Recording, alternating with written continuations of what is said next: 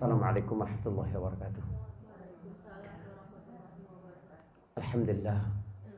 نحمده ونستعينه ونستغفره ونعوذ بالله من شرور أنفسنا وسيئات أعمالنا من يهد الله فلا مضل له ومن يضلل فلا هادي له أشهد أن لا إله إلا الله وحده لا شريك له وأشهد أن محمدا عبده ورسوله اللهم صل وسلم وبارك على النبي الهدى وعلى آله وأصحابه ومن والاه أما بعد Akhwati rahimakumullah Alhamdulillah hari ini kita dapat melanjutkan pertemuan keempat dari kelas dasar Iman PES Hari ini kita bicara tentang iman kepada kitab Allah dan iman kepada Rasulullah Kepada Rasul Rasulullah. Saudaraku Saya berharap bahwa kelas kita ini memang kelas yang menggerakkan Mengubah kehidupan Mengubah bagaimana cara pandang kita selama ini yang kurang tepat mungkin kepada Allah. Bagaimana kita lebih mudah berdamai dengan peristiwa, berdamai dengan keadaan, berdamai dengan ketentuan Allah Subhanahu wa taala sehingga mensyukuri itu semua. Bagaimana kita tahu nilai keimanan, bagaimana kita tahu betapa rendahnya nilai dunia dan segala receh-recehnya. Jadi ini bukan hanya tentang bagaimana kita menimba ilmu, Bagaimana kita cuma mengisi pikiran kita bukan. Tapi bagaimana ini menjadi manhaj, menjadi uh, jalan hidup kita semua. Pada pertemuan yang lalu kita bicara tentang keimanan kepada para malaikat ya. Beberapa hal yang beberapa fakta yang kita sampaikan dalam keimanan kepada malaikat di antaranya adalah malaikat itu bukan pembantu Allah, tapi dia pembantu manusia. Malaikat itu diciptakan untuk kepentingan manusia. Sebagaimana semua yang lain. Berdasarkan ayat Allah. Dan Allah menundukkan segala apa yang di bumi, di, di langit dan apa yang di bumi. Jadi untuk kepentingan manusia seluruhnya. Lalu kita sampaikan pada pertemuan yang lalu bagaimana tugas-tugas para malaikat, bagaimana kerja-kerja malaikat untuk kepentingan Allah atau untuk kepentingan kita itu. Untuk kepentingan kita semuanya. Dan Allah maha berdiri sendiri tidak butuh bantuan siapa pun. Allahu la ilaha illa huwa al-hayyu al-qayyum. Maha berdikari Allah Subhanahu wa taala, tidak butuh kepada kepada apa pun. Lalu fakta kedua yang kita sampaikan tentang iman kepada malaikat adalah jumlah malaikat itu jauh sekali melampaui jumlah manusia, ya. Puluhan kali lebih banyak daripada jumlah seluruh manusia. Lalu yang ketiga adalah bahwa di dalam agama, nah ini berkaitan juga dengan kajian kita pada hari ini. Dalam kehidupan ini, masya Allah, nggak muat ya ternyata, masya Allah, lupa saya, lupa saya. Harusnya saya saya buka, baik, masya Allah, ya, ya, papan tulisnya jauh banget. iya, memang susah di situ, baik, baik. Ada hal-hal yang sifatnya sensorik, ya kan, hissi, Kemudian apalagi logik dan informatif. Oke. Ini ilmu alat untuk lebih memahami tempat-tempat rukun-rukun iman di dalam agama itu. Jadi saya ulangi, ada hal-hal yang sifatnya hissi atau sensorik. Kita percaya karena bisa dilihat, karena bisa disentuh, karena bisa dicapai oleh indera. Kita percaya bahwa ada gelas di meja ini karena kita bisa lihat. Itu hal yang biasa. Semua orang, semua makhluk hidup sampai kepada uh, keimanan pada hal-hal yang sifatnya bisa disentuh ini, sensorik ini. Yang kedua adalah hal-hal yang logik. Kita nggak lihat wujudnya, Wujudnya tidak bisa dicapai oleh indera, tapi dampaknya, akibatnya, tanda-tandanya ada. Kita percaya ada udara di ruangan ini walaupun kita tidak bisa lihat. Kenapa? Karena logika. Paham? Dan keimanan kepada Allah bisa masuk pada kelompok ini. Karena apakah kamu tidak memperhatikan penciptaan langit dan bumi? Sungguh pada Sungguh pada penciptaan langit dan bumi ini terdapat tanda-tanda kebesaran Allah Subhanahu wa taala. Jadi kita beriman akan adanya Allah walaupun tidak bisa disentuh oleh indera manusia tapi logika kita sampai bahwa pasti ada Tuhan di situ. Kita beriman. Artinya kalau seseorang sehat pikirannya, berjalan nalarnya, logikanya, maka tidak ada yang istimewa pada saat seseorang beriman adanya Allah. Jadi kita percaya Allah itu ada, nggak ada yang istimewa. Abu Jahal juga percaya, Abu Lahab juga percaya, Umayyah bin Khalaf juga percaya, ya, Al-As eh, bin Wa'il juga percaya dan lain-lain sebagainya. Jadi mereka tetap percaya. Firaun juga percaya, Namrud juga percaya, begitu. Dan ingat, dalam kehidupan ini, teman-teman sekalian, kita selalu dihadapi kepada banyak pilihan. Dan kita bisa menerima serta bisa menolak. Itu pilihan dalam hidup, ya kan? Kecuali keimanan. Kalau keimanan alternatifnya bukan menerima dan menolak, bukan. Alternatifnya cuma sekarang atau nanti. Jadi tidak bakal ada orang yang bisa menolak keimanan. Dipaparkan kepada kita kesempatan bisnis. Ada tempat bisnis begini, begini, begini, uang begini. Kita berpikir, ini butuh modalnya besar sekali, resiko besar, keuntungan kecil. Kita tolak, bisa nggak kita tolak? Bisa. Kita ditawari paket perjalanan, mau ke sini, mau ke sini. Oh ini bagus ini, oke kita terima. Atau ah ini terlalu lama waktunya, saya harus bekerja begini, kita tolak. Bisa kita tolak.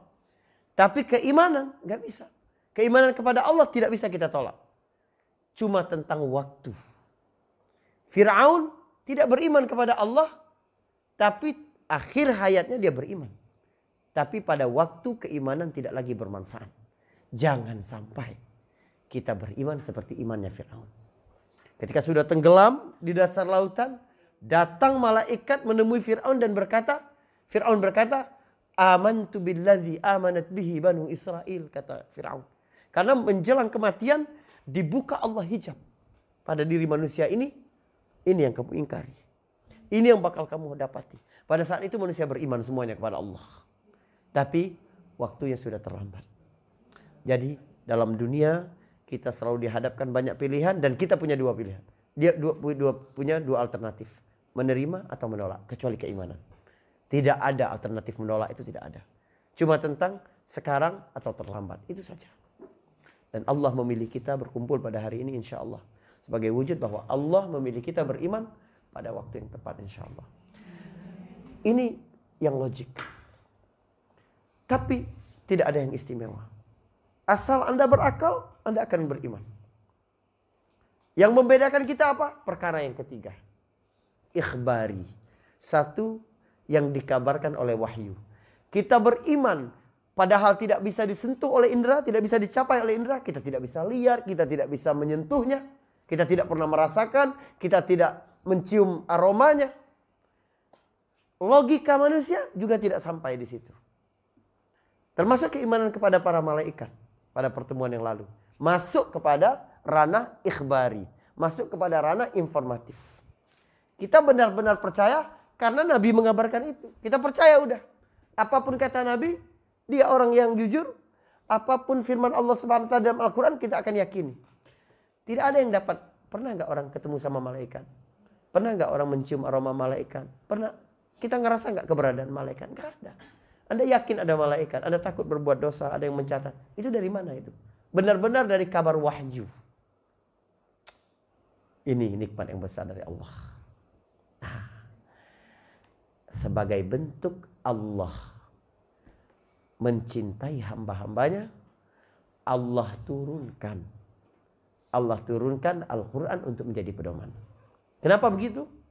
Karena tidak mungkin ada satu produk kecuali ada buku petunjuknya. Ya kan? Harus begitu. Maka ketika Allah menciptakan langit, bumi, ya, tanah, buah-buahan, hewan, manusia seperti kita di sekitar kita, kita butuh cara petunjuknya itu seperti apa. Maka Allah menurunkan Alkitab. Karena itu di dalam Al-Quran Allah subhanahu wa ta'ala apa? membuka lima surah yang dimulai dengan Alhamdulillah. Pujian kepada Allah. Empatnya berkaitan dengan produk ciptaan Allah. Satunya adalah berkaitan dengan Al-Quran. Kitab yang menjadi pedoman untuk bagaimana berinteraksi dengan produk-produk itu.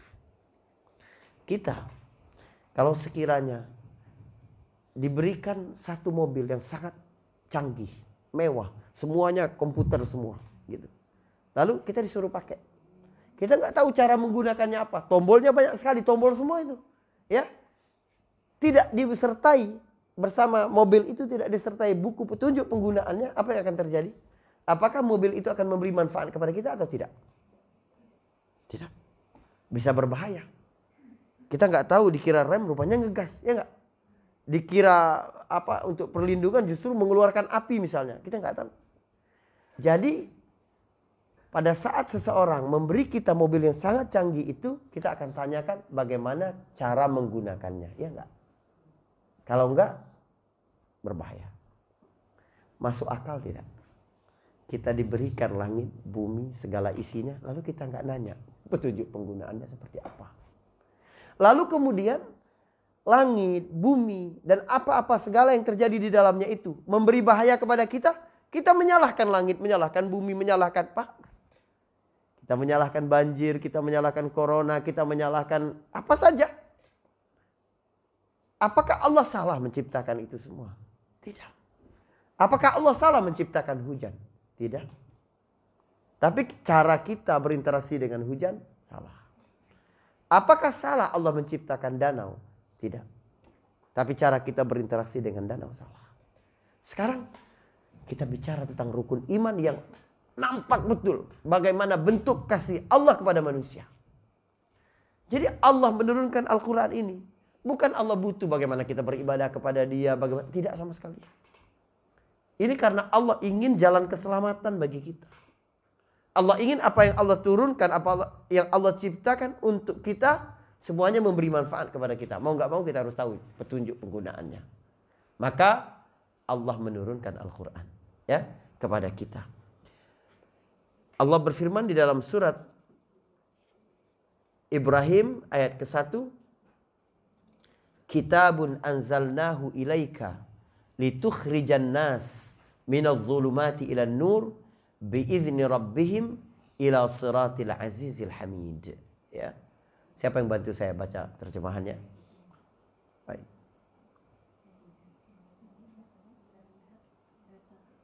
Ayat 1 surat ke-14. Baik.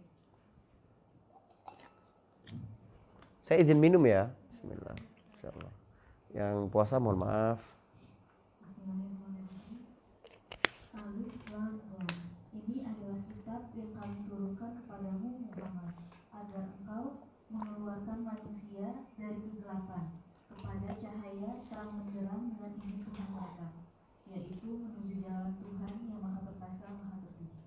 Baik.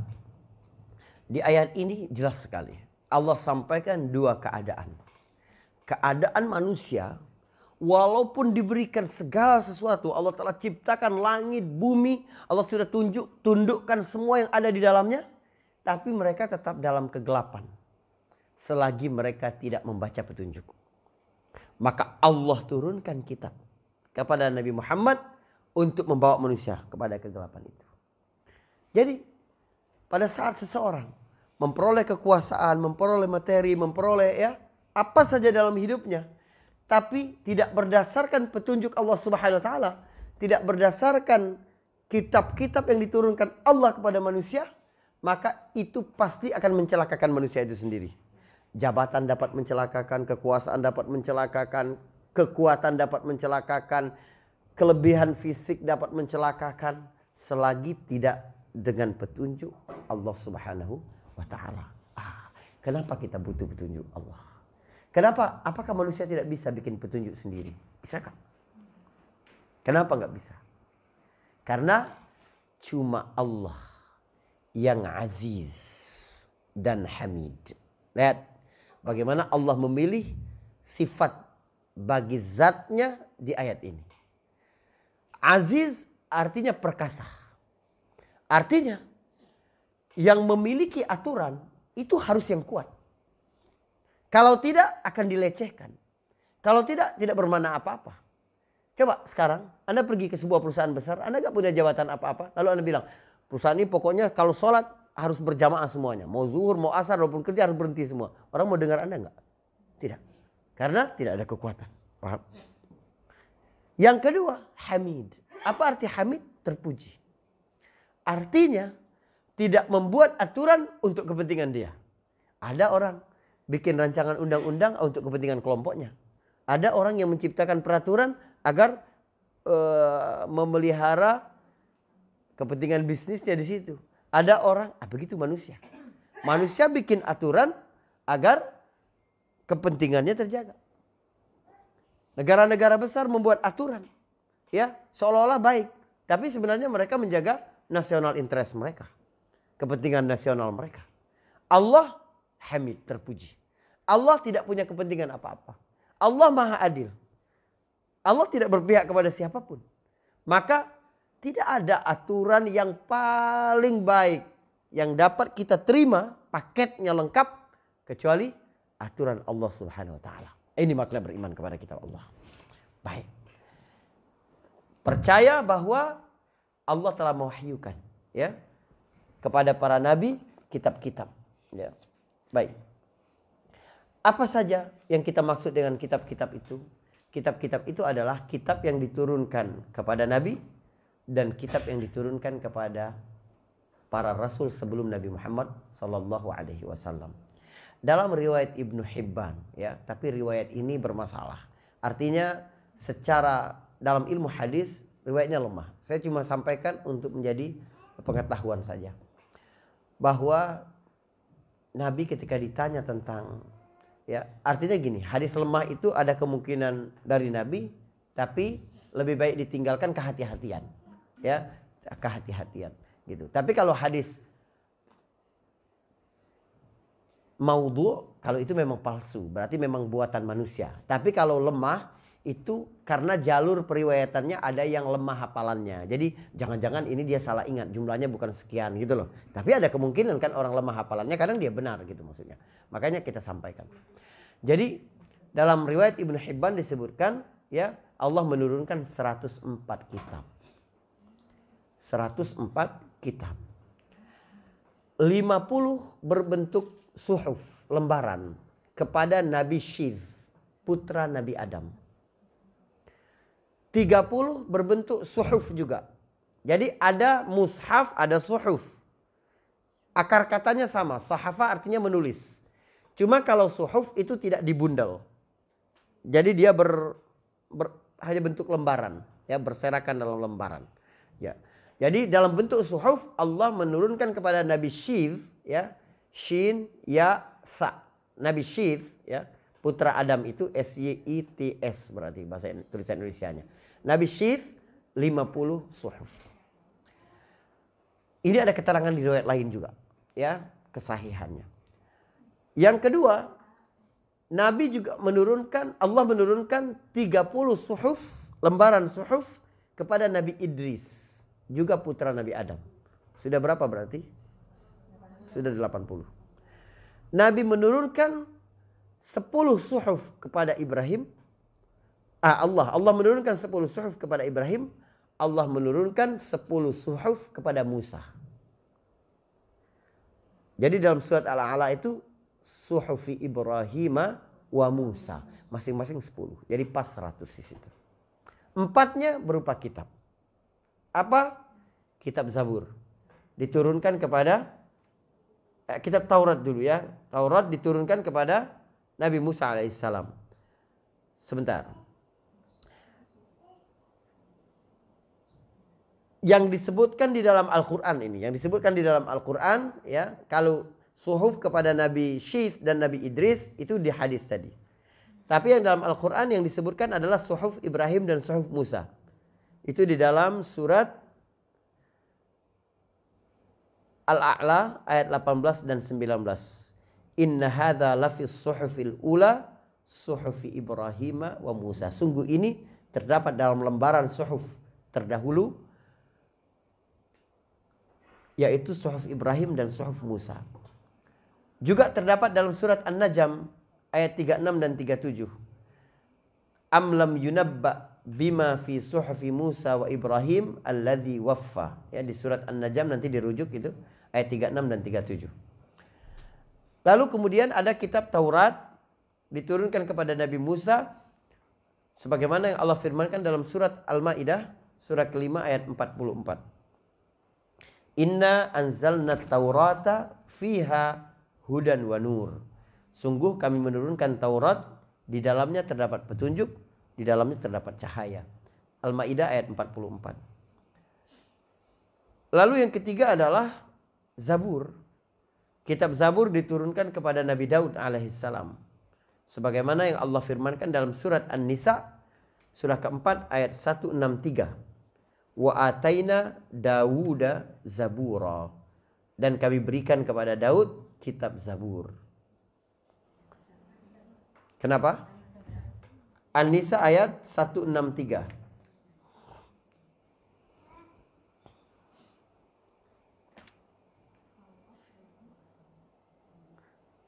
Berikutnya adalah Injil. Allah turunkan kepada Nabi Isa ya. Allah firmankan dalam surat Al-Maidah ayat 46 Al-Maidah ayat 46 wa atainahul injila fihi hudan wa nur.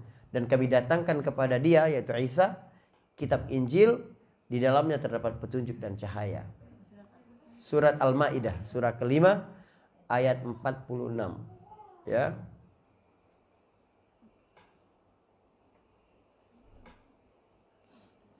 Dan terakhir Allah turunkan Al-Quran kepada Nabi Muhammad sallallahu alaihi wasallam. Allah berfirman di dalam surat Al-Insan ya ayat 23. Surat Al-Insan itu juz ke-28 ya. Ayat ke-23. Surah Al-Insan ayat ke-23. Inna nahnu nazzal na alaikal qur'ana tanzila. Baik. Sekarang kita bicara bagian pertama tentang kitab-kitab terdahulu, baru kemudian kita bicara tentang kitab kita yaitu Al-Qur'an.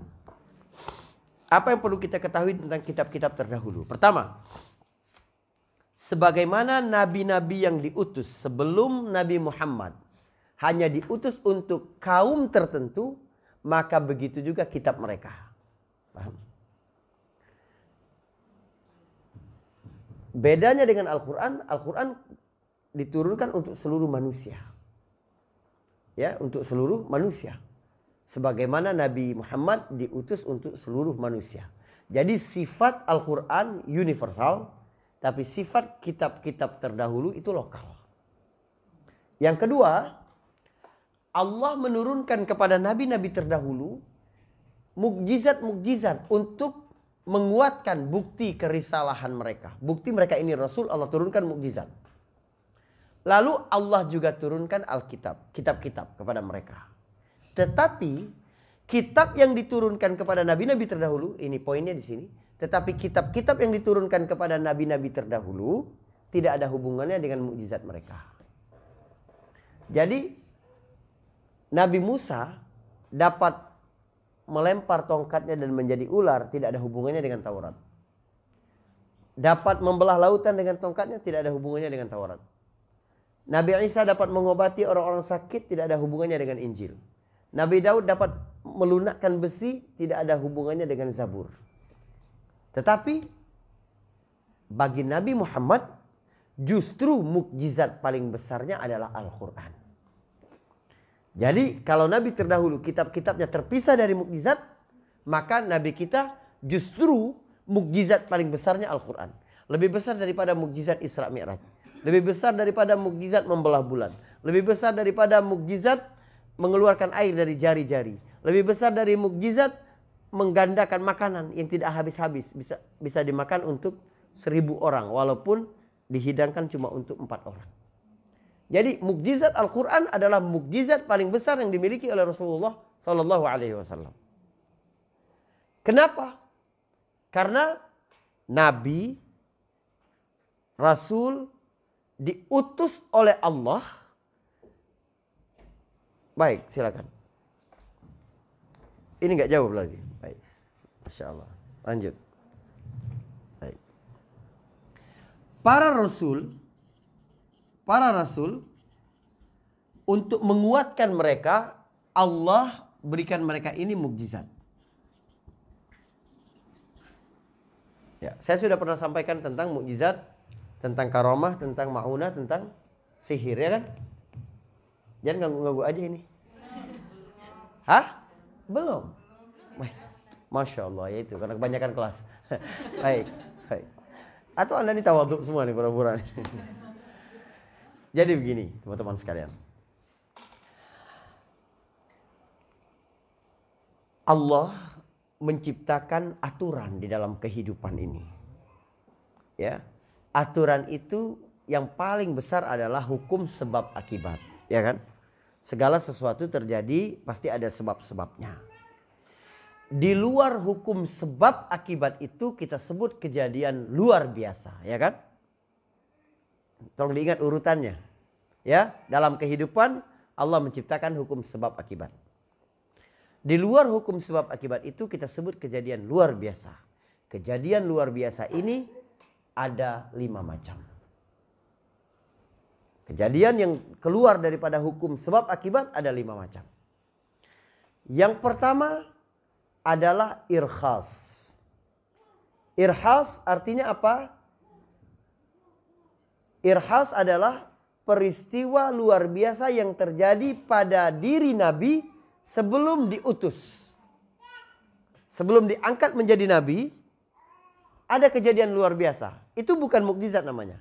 Itu namanya irhasat. Ya, jamaknya irhasat. Kalau bentuk tunggalnya irhas. Ya, apa itu irhas? Irhas artinya kejadian luar biasa pada diri Nabi sebelum diangkat jadi Nabi. Misal, Allah menyelamatkan Nabi Musa di dalam kotak yang dihanyutkan di sungai Nil. Itu namanya irhas. Nabi dibedah ketika berumur 4 tahun. Itu namanya irhas. Nabi dilindungi awan ketika mengikuti perjalanan bersama pamannya ke Syam. Itu namanya irhas. Baik. Itu jenis pertama. Jenis kedua, adalah mu'jizah. Al-mu'jizah. Bahasa kitanya mukjizat. Mukjizat adalah peristiwa luar biasa yang terjadi pada diri Nabi setelah diutus. Dia sudah jadi Nabi, ada kejadian luar biasa itu namanya mukjizat. Mukjizat ini selalu Allah turunkan untuk mengalahkan zamannya. Ah, ini jenis mukjizat. Di zaman Nabi Musa, di zaman Nabi Musa, mukjizat eh, orang-orang sangat maju di ilmu sihir. Sehingga mukjizat Nabi Musa didatangkan Allah untuk mengalahkan itu. Mengungguli itu. Maka dia mirip sihir, padahal bukan. Nanti kita akan sampaikan bedanya. Di zaman Nabi Yusuf, ilmu tentang takbir mimpi, takbir mimpi sangat maju. Maka Yusuf dibekali mukjizat dapat menakwilkan mimpi. Pada saat para penakwil mimpi kebingungan, ini mimpi raja apa maksudnya? Ah, ada mukjizat itu. Untuk mengalahkan zamannya. Di zaman Nabi Isa, perkembangan ilmu medis sangat maju. Maka Allah bekali Nabi Isa mukjizat untuk mengungguli itu. Apa yang tidak bisa dilakukan medis pada zaman Nabi Musa? Menghidupkan orang mati, me, apa, menyembuhkan orang buta, ya, dan penyakit e, kolera gitu-gitu pokoknya yang tidak bisa dilakukan bisa dilakukan oleh Nabi Isa. Jadi mukjizat sifatnya mengungguli zamannya. Nabi Muhammad hidup di era literasi dan di era, di era teknologi. Karena Nabi Muhammad bukan cuma untuk kaumnya pada saat dia hidup, tapi sampai hari kiamat, iya kan? Maka mukjizat Nabi harus mengungguli itu. Peristiwa Isra Mi'raj saja. Biar sampai nanti hari kiamat, kamu pernah ke mana sih? Manusia bisa ke mana? Nanti misalnya bisa ke Mars. Sekarang sudah bisa ke bulan. Tidak ada apa-apanya dibanding Nabi. Menembus sampai langit ketujuh sampai lebih dari itu. Lebih dari itu. Begitu juga Al-Quran. Ada informasi-informasi dan ini mukjizat. yang belum ditemukan pada zaman Nabi, tapi ah Al-Quran mengungkapkan yang sekarang. Misal ada seorang profesor oceanolog berasal dari Kanada masuk Islam ketika Al-Quran bercerita tentang perumpamaan orang-orang yang apa uh, kufur kepada Allah itu coba lihat. Di surah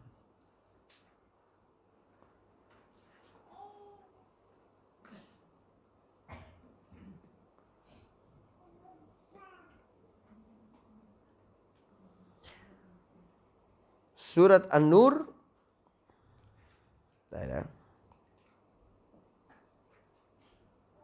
Ayat ke-40. Coba baca. Surat An-Nur ayat ke-40. Surah 24 ayat 40 ya. Ayat 39 dan 40 itu berkenaan. Ya, walladzina kafaru a'maluhum kasarabin biqi'atin yahsabu adh-dhama'anu ma'an hatta idza ja'ahu lam yajidhu syai'an wa wajada Allah 'indahu 'indahu fawaffahu hisabahu wallahu sari'ul hisab. Allah bercerita tentang amalan orang-orang yang kafir, ya. Seperti Coba baca ayat yang ayat yang ke-40-nya saja ya. Atau seperti kegelapan di laut. Atau keadaan orang-orang kafir ya. seperti gelap gulita di lautan yang dalam. Yang diliputi oleh gelombang demi gelombang, di atasnya ada lagi awan gelap. Itulah gelap gulita yang berlapis-lapis. Apabila dia Baik, baik, cukup. Ternyata begitu artinya ya, baik. Artinya begini. Fi bahrin lujin di dalam lautan yang dalam yaghshahu yang diliputi oleh maujun itu ombak. Min fauqihi di atasnya maujun, ada ombak lagi. Min fauqihi di atasnya lagi sahabun ada awan. Lihat. Yaghshahu maujun kata Al-Qur'an. Lautan yang dalam dan gelap itu di, dikepung oleh ombak. Min fauqihi di atas ombak itu ada ombak lagi. Di atasnya ada awan. Insya Allah. Lihat cara Allah bercerita. Ombak, ombak awan. Awan sama ombak ini dempetan apa tidak? Tidak. Gerakan awan dan gerakan ombak akan sama apa tidak? Tidak. Allah gunakan di atas ombak ada awan. Allah menggunakan kata yang sama di atas ombak yang pertama ada ombak yang kedua. Gerakannya tidak sama dan dia juga tidak menyatu. Seperti ombak kepada awan tidak menyatu dan gerakannya tidak sama. Ternyata di dasar lautan ada gelombang yang arusnya berbeda dengan gelombang yang di permukaan. Muhammad tidak mungkin tahu ini. Maka ahli kelautan dari Kanada ini masuk Islam. Karena Al-Quran telah mengungkapkan hal yang baru ditemui para ilmuwan satu abad yang lampau. Al-Quran bukan kitab sains bukan. Allah ini bercerita amalan orang kafir. Tapi di antara itu terdapat rahasia-rahasia. Terdapat kemujizatan sains. Terdapat ya gitu ya. Masya Allah. Ya, saya pamer ini ya. Kemarin saya beli buku tafsir berkaitan dengan sains ini. 26 jilid ya. Masya Allah ya. Tafsir Al-Jawahir. Ya, ayah saya sudah punya warisan dari kakek saya itu, tapi sudah baca-bacanya bersin-bersin ya. Daripada saya bawa dari Jambi ya saya saya beli sendiri, masya Allah ya. Ya dapatlah motor second itu, gitu. ya, lumayan, masya Allah. Ah? ini ini di sharing ini ya kak. Nah, gitu. Di antaranya, di antaranya ini. Jadi mukjizat Nabi, mukjizat Rasul selalu didatangkan Allah untuk mengungguli umatnya. Paham? Nah, ini mukjizat.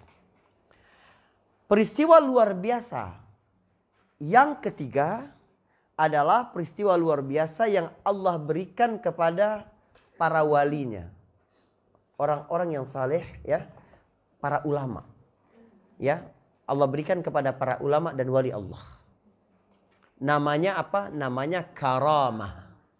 Orang Indonesia bilangnya keramat. Ya, dari bahasa Arab itu karamah. Karamah itu artinya pemuliaan. Ya, jadi Allah beri kemuliaan bagi dia. Baik.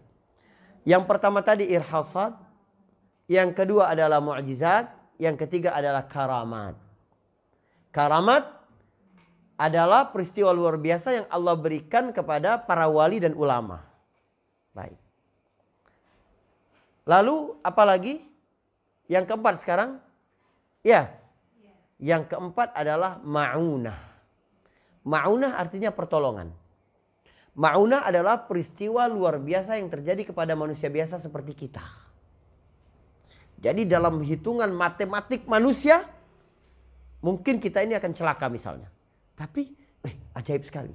Biasanya ma'unah ini kepada bayi-bayi biasanya ada yang jatuh, ada yang apa. Itu tiba-tiba selamat di dalam gempa, di dalam runtuhan atau saat kebakaran. Nah, itu maunah.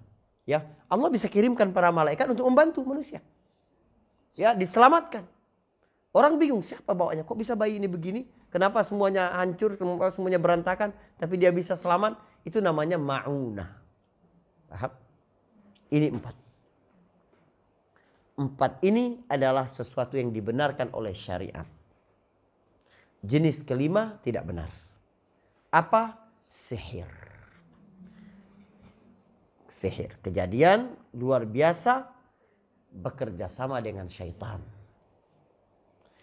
Apa beda sihir dengan mukjizat, dengan karamah, dengan ma'unah? Apa bedanya? Pertama, mukjizat, karamah, dan ma'unah sifatnya hakiki, benar terjadi. Kalau sihir tipuan mata. Beda.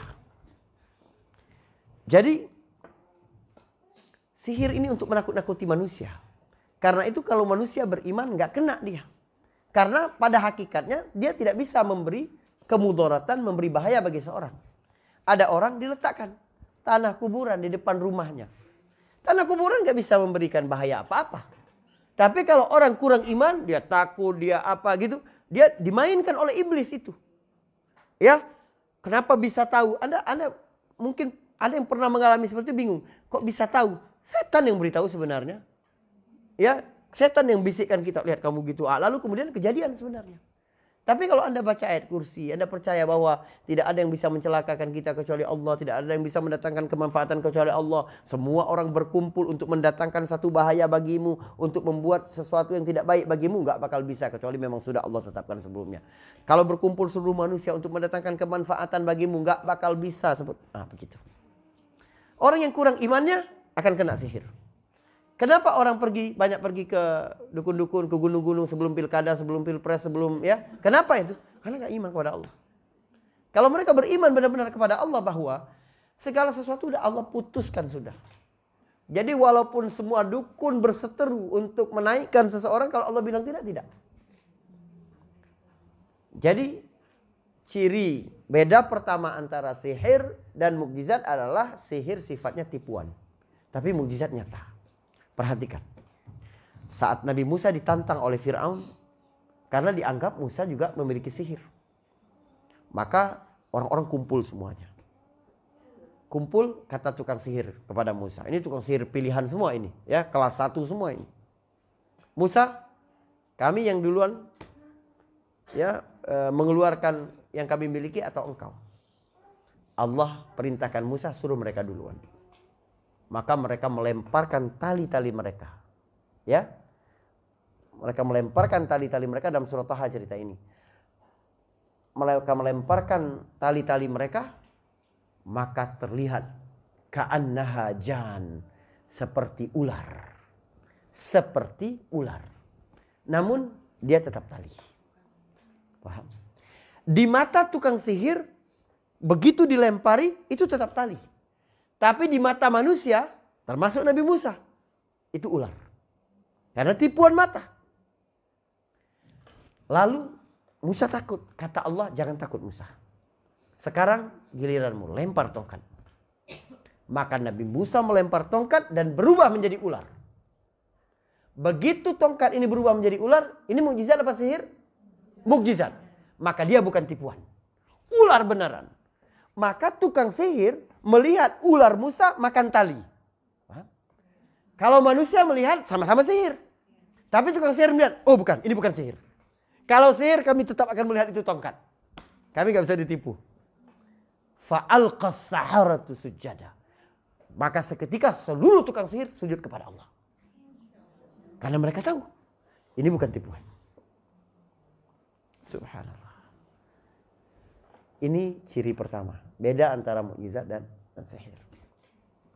Yang kedua, ini yang banyak. Ya, kita harus tahu biar tidak tertipu. Beda yang kedua adalah sihir sifatnya permanen, mukjizat, karamah, maunah sifatnya insidentil. Gak bisa semau Nabi Musa. Musa lagi main-main sama anaknya nggak ada mainan dilempari tongkatnya biar jadi ular gitu. Nggak bisa. Ya, nggak bisa gitu. Mau ngeprank orang Musa nggak bisa begitu. Ya. Atau kapan Nabi Musa asal mau nyebrang nggak perlu nyari jembatan. Tinggal ah nggak bisa. Ya. begitu. Itu sifat mukjizat. Nggak bisa Nabi mau wisata Isra Mi'raj setiap tahun nggak bisa. Ya, Nggak bisa. Kenapa ada perang Uhud yang kalah? Kenapa? Kalau ikut mujizat Nabi, Nabi bisa datangkan apa saja. Tapi mujizat tidak begitu. Mujizat sifatnya tidak permanen. Begitu juga karamah, begitu juga ma'unah. Ya, sebentar. Saya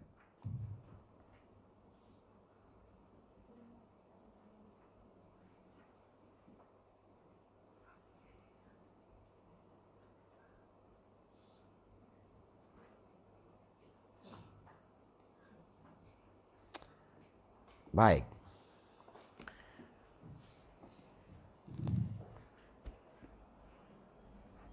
Mana lima kejadian luar biasa tadi? Yang pertama adalah irhasat. Pakai H besar ya, irhasat. Gitu ya. Yang kedua adalah mukjizat kepada para nabi. Yang ketiga adalah karamah kepada para ulama dan wali. Yang keempat adalah ma'unah. Ma'unah ya, itu kepada manusia biasa seperti kita. Yang ketiga adalah sihir. Ya.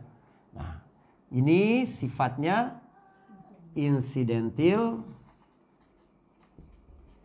dan wujudnya asli ya, nyata. Sedangkan sihir sifatnya permanen dan tipuan.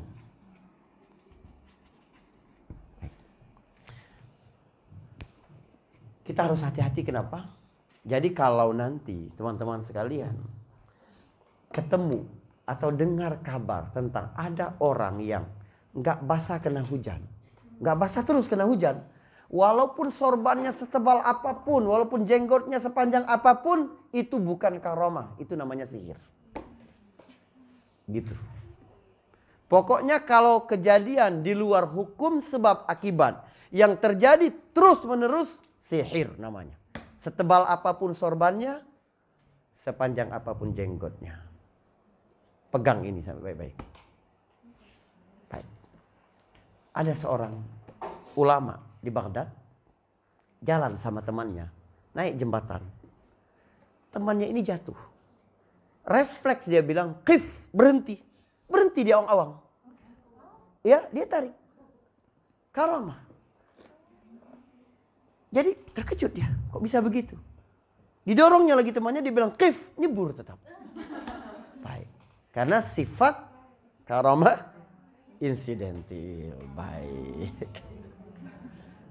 Ya enggak? Buruk. Buruk karam uh, mukjizat bagi Nabi. Buruk ini kata Nabi, yada'u hufata fi muntaha tarfah.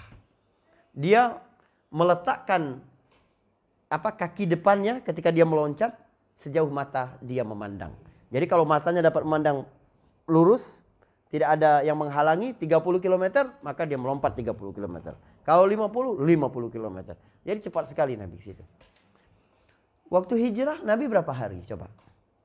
Iya enggak? 12 hari. Iya kan? 12 hari Nabi hijrah harus kehausan, harus nyari tenda umum ma'bad, harus ya dikejar-kejar oleh ya orang-orang musyrik Mekah harus bersembunyi dulu. Seandainya mukjizat itu sifatnya permanen, bisa permanen, Kenapa Nabi nggak ke mana-mana naik buruk aja? Ya nggak. Lalu ada orang ngaku kiai, ngaku ulama, ngaku wali, ah kena senjata tajam nggak apa-apa. Tiap waktu begitu, itu sihir namanya. Gak mungkin itu karomah itu gak mungkin. Nah ini akidah. Baik.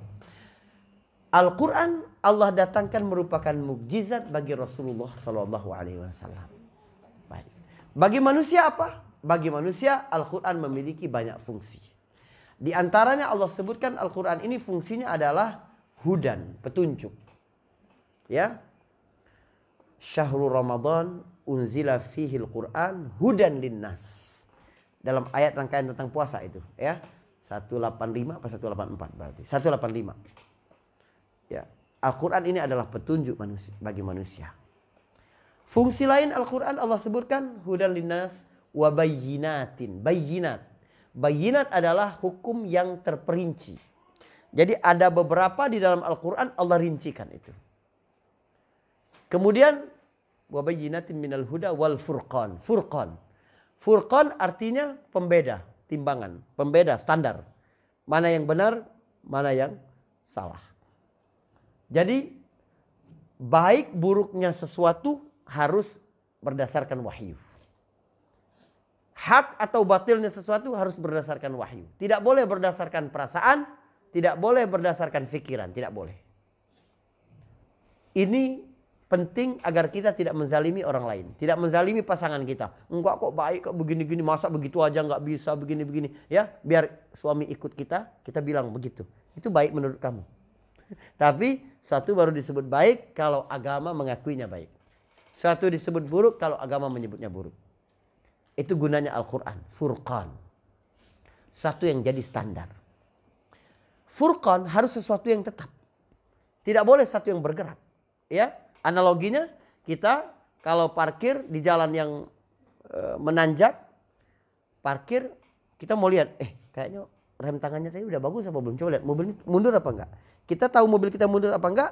Patokannya pasti satu yang diam. Pohon atau pagar rumah. Atau ya enggak begitu enggak? Maka patokan benar atau buruk itu harus satu yang tetap. Itu adalah ketentuan Allah Subhanahu wa taala. Jadi Al-Qur'an bagi manusia petunjuk. Ya. Kemudian perinci hal-hal yang pelik dalam kehidupan. Kemudian furqan. Furqan pembeda antara yang hak dan yang batil. Kemudian apalagi nur kata Allah, cahaya yang memberi inspirasi dalam kehidupan. Saat kita merasa gelap, nggak tahu mau melakukan apa. Langkah kita ini ke mana? Selanjutnya seperti apa? Tolong buka Al-Quran. Karena Al-Quran adalah cahaya. Saat kita kebingungan, eh apa lagi ya? Sudah di PHK ini apa lagi? Eh sudah gitu-gitu. Maka buka Al-Quran. Karena dia adalah cahaya. Lalu apa lagi? Syifa. Ya. Wa nunazzilu minal Qur'an ma huwa illa syifa' Wa nunazzilu minal Qur'ani ma huwa shifaa'un wa rahmatun lil mu'minin. Dalam surat Al-Isra. Lupa saya ayatnya ini. Dan kami turunkan Al-Quran merupakan obat, terapi bagi manusia. Apa pun persoalan yang kamu hadapi dalam hidup, ah, kamu akan temukan terapinya menurut Al-Quran seperti apa. Dan rahmah. Bentuk kasih sayang Allah kepada manusia. Subhanallah. Banyak sudah kita dapat. Apa saja tadi? hudan, petunjuk. Hudan, bayinat, ya. Perinci hukum. Apalah bahasanya? Bayinat itu apa bahas di terjemahan itu baik-baik. Lalu bayinat itu wal furqan, ya, pembeda. Pembeda. Lalu apalagi cahaya, penginspirasi. Lalu syifa, terapi. Lalu kasih bentuk kasih Allah kepada manusia. Rahmah. Ini fungsi-fungsi Al-Quran dalam kehidupan kita. Maka kalau seseorang yang hidupnya di atas petunjuk, ya, kemudian secara teknis dia sudah benar melakukan sesuatu, dia juga bisa membedakan mana yang benar dan yang salah. Langkahnya selalu penuh dengan inspirasi. Kemudian kalau dia terjerumus kepada satu kesalahan dia tahu bagaimana mengobatinya, serta dalam hidup yang selalu penuh kasih sayang Allah, maka apa yang dia dapatkan? Yang dia dapatkan adalah kesuksesan dan kemuliaan, ya kan? Makanya, siapa pun yang bersama Al-Quran pasti mulia. Segala sesuatu yang terkait dengan Al-Quran pasti mulia, bukan sebaliknya. Perhatikan. Bulan Ramadan diturunkan Al-Quran. Maka bulan Ramadan menjadi bulan yang mulia. Jadi Ramadan menjadi bulan yang mulia karena Al-Quran. Bukan Al-Quran menjadi mulia karena Ramadan. Baik. Jibril malaikat yang membawa Al-Quran turun. Maka dia menjadi malaikat yang paling mulia dibanding malaikat yang lain. Nabi Muhammad adalah Rasul yang menerima Al-Quran. Maka dia adalah Rasul yang lebih mulia daripada Rasul yang lain. Umatnya adalah umat yang diturunkan Al-Quran kepadanya. Maka umat Nabi lebih mulia daripada umat yang lain. Malam Lailatul Qadar diturunkannya Al-Quran. Maka dia menjadi lebih baik daripada malam yang lain. Jadi apa pun yang menempel Al-Quran padanya. Pasti dia menjadi lebih mulia. Jadi kemuliaan sesuatu itu tergantung seberapa melekat Al-Quran pada dirinya. Udah, gampang. Itu Allah menurunkan Alkitab. Ya, baik. Sudah jam berapa ini? Dan 10, ya 15 ya. Nanti sesi kedua tentang iman kepada Rasul ya. Tapi kita istirahat sebentar.